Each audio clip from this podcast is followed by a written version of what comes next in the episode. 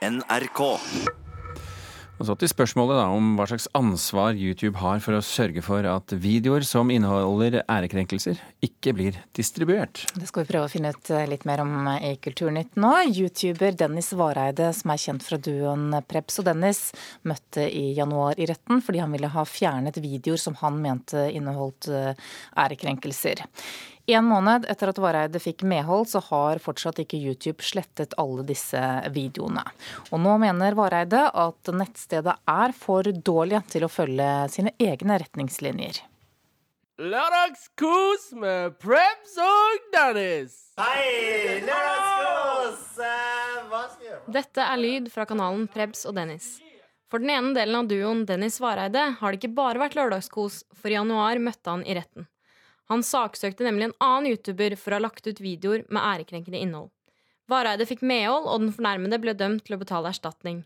Men mange av videoene får fortsatt leve videre via YouTube, både i Norge og resten av verden. Og det er hardt å liksom akseptere at det her på en måte kommer til å sitte resten av livet uansett. Fordi eh, selv om jeg har fått motbevist det her både i retten og på YouTube, så er det fremdeles de videoene vil sitte i minnet på folk. Eh, og det er, eh, det er tungt, og det er jo hjerteskjærende å tenke på. Etter rettssaken har videoene blitt såkalt geoblokket i Norge. Det vil si at man ikke kan se dem i Norge, men de kan sees i alle andre land.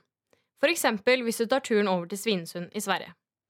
Vareide mener at videoene burde vært slettet overalt, og ikke promoteres av YouTube slik som de blir i dag. At YouTube da har puttet mange av disse videoene på det som kalles trending-lista. Som da er liksom YouTubes Det er de videoene YouTube selv pusher fram. da, Disse vil de at alle skal se. Eh, Når disse videoene kommer på topp tre av en 50-liste, så syns vi det er eh, veldig merkelig. Der en gutt sitter og trakasserer eh, barn og familiefedre og alt mulig rart, da, som er vist i retten eh, uten noen som helst form for bevis. da. YouTube sier i en mail til NRK at de følger lovgivningen i alle land de opererer i. De sier også at de har ansatt 10 000 mennesker for å jobbe med å gå gjennom krenkende innhold. Nå nylig kom det også fram at de tar grep med en amerikansk YouTuber, Logan Paul, som la ut en video av et japansk selvmordsoffer. I've made a severe and continuous lapse in my judgment, and I don't expect to be forgiven. I'm simply here to apologize. Paul unnskyldte seg fort, og videoen ble raskt slettet. Men videoen ble sett seks millioner ganger. Flere har vært kritiske til at youtuberen fortsatt har tjent penger på videoene sine. Og først nå har YouTube midlertidig fjernet Paul sin mulighet til å tjene penger på sine egne videoer.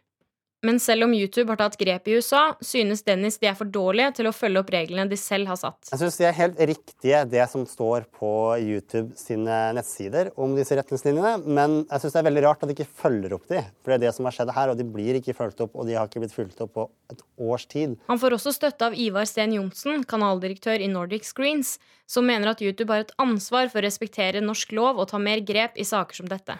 Og det det diskuteres her, er jo på en måte Burde YouTube vært enda mer på og ta ned mer enn det de eh, har gjort? Og vi syns kanskje det. Men Sten Johnsen skjønner at det er utfordrende for YouTube. Nesten fem milliarder videoer blir sett på nettsiden hver eneste dag.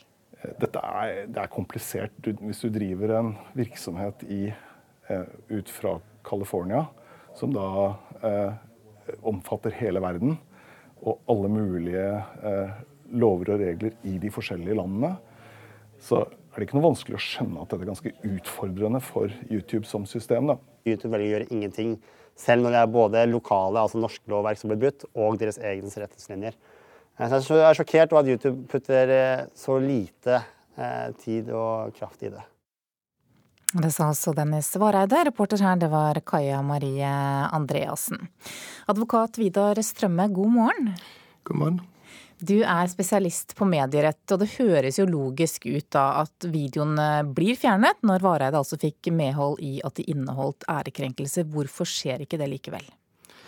Det vet jo ikke jeg hvorfor de ikke har gjort det, men eh, hvis jeg skal forklare jussen her ganske kort, så er den i prinsippet enkel, og man kan si at det er flere lag med juss.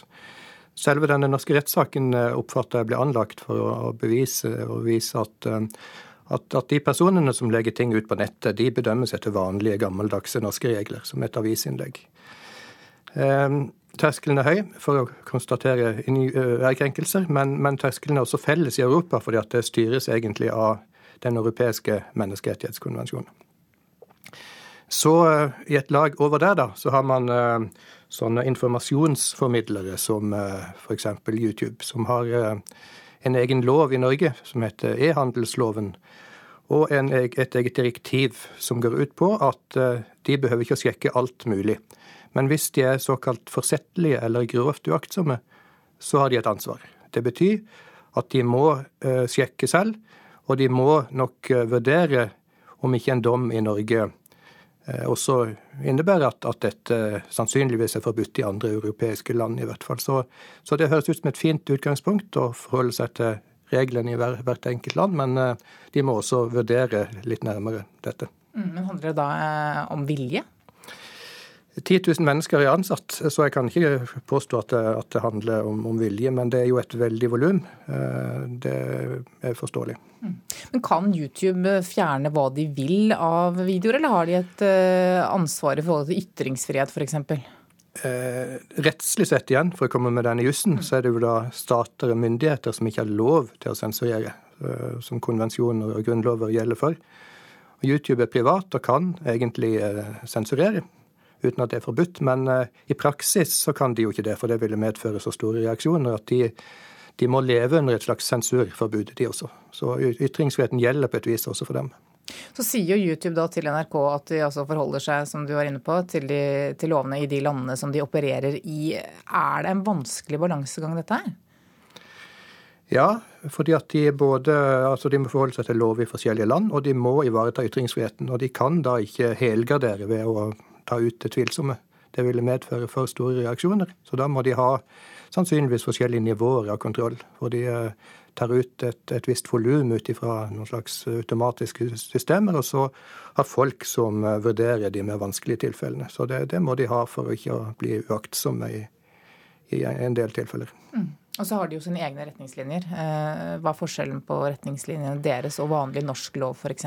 Ja, Norsk lov er igjen vedtatt av myndigheter og er bindende, sånn at det kan være straffbart eller medføre ansvar å ikke følge dem, mens disse retningslinjene mer er en slags kontrakt mellom dem og brukerne. Eh, og en, en, informasjon også til brukerne om, om, hva de kan gjøre hvis det er problemer ute og går. Mm. Så hører vi Dennis Vareide eh, si her at eh, disse videoene, som altså da en norsk rett har fastslått at er, inneholder ærekrenkelser, blir eh, lagt ut på lister som altså YouTube da anbefaler sine brukere til å se på. Eh, er det lovlig? Jeg vil si det sånn at, at, de må vurdere det før de gjør det. De kan ikke bare gjøre det automatisk uten å tenke seg om. Mm, ok, Men vi kan oppsummere med da, at det er litt vanskelig terreng, dette her? Ja. ja. Takk skal du ha, advokat Vidar Strømme.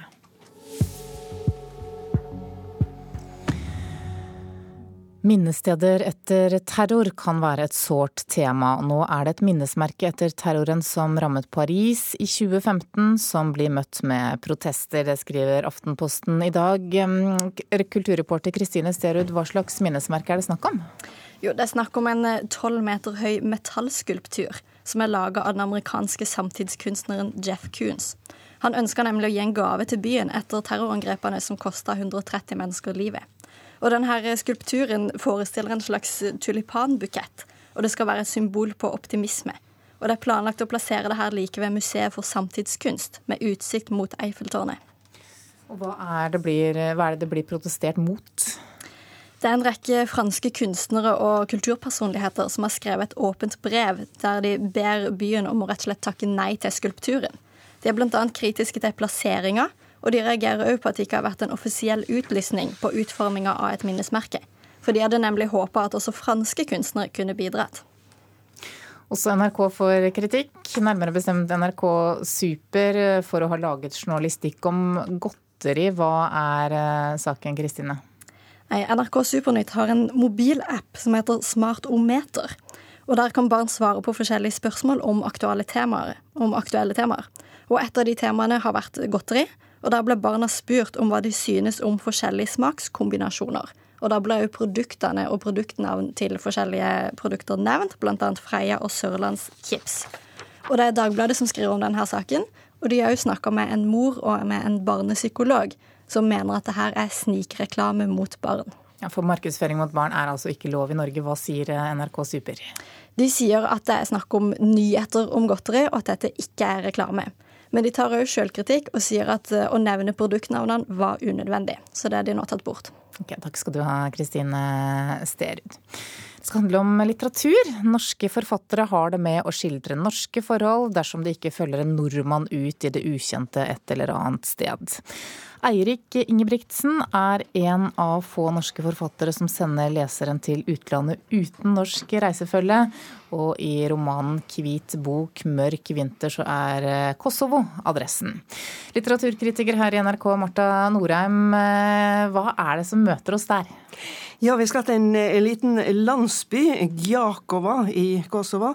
Eh, og Der opplever vi et dramatisk døgn sammen med en familie. og denne familien har det slik at uh, den yngste sønnen, Isa, han er resultatet av en voldtekt av mora i siste del av krigen. Altså voldtekt som, som våpen i krig er jo dessverre ikke ukjent. Så han, han blir født etter krigen, i freden, men er på ingen måte et fredsbarn, for han har jo da fiendens eh, blod i sine årer. og det oppstår jo da altså selvsagt spenninger i, eh, i, familien, spesielt hos far, som uh, lager et museum i gangen med uh, bilder av stolte Kosovo-albanere som har falt for serbiske kuler osv. Så, videre, sånn. så, så her er det spenninger ute og går. Mm. Fortell litt mer om handlingen. Ja. Um, altså Det er et døgn, da, og, og, det er et døgn om vinteren. Det er uh, sprengkaldt. De er nødt til å Eh, å hogge ved, eh, sånn nødhogging av ved for å, eh, for, til byen. Dette er ikke helt ufarlig arbeid, spesielt ikke fordi at de også skal fløte dette her på ei elv med is og det er mye styr. Det skjer ei ulykke, og, og, da er det jo sånn i, i litteraturen som i livet at når det oppstår en kritisk situasjon, da får du virkelig se hva det er som bor i folk. Mm. Ble du overrasket? Nei, dessverre må jeg nesten si. Eh, her kunne, kunne Ingebrigtsen ha, ha bydd litt på, på, noen overraskelser. Men, eh, men, når det er sagt, så, så, vil jeg si det er en svært god bok. Det er også snakk om ei bok av en tidligere sultprisvinner som, eh, som gjør at en skal vente seg mye av han. Men hva er det som gjør den god? Ja, det er flere ting. Altså, det er jo noe med temaet. Det handler om krigens spor langt inn i, i, i, fredstid. Det er noe også med at eh, faren Reza han har eh, voldtatt serbiske kvinner, så Isa har kanskje halvsøsken på den andre sida. Dette er jo spenninger som, som, fortsetter. Et av de store spørsmålene for Isa er jo nettopp dette her med hvordan, eh, hvor stor forskjell er det? Har han ondt blod i årene, eller er han sånn som andre mennesker? Og det er jo et stort spørsmål. Vi lever i krigstider. og Dette er egentlig en, en, noen humane spørsmål inn i krigens eh, gru og ettervirkninger. Mm. Takk skal du ha, litteraturkritiker her i NRK, Marta Norheim.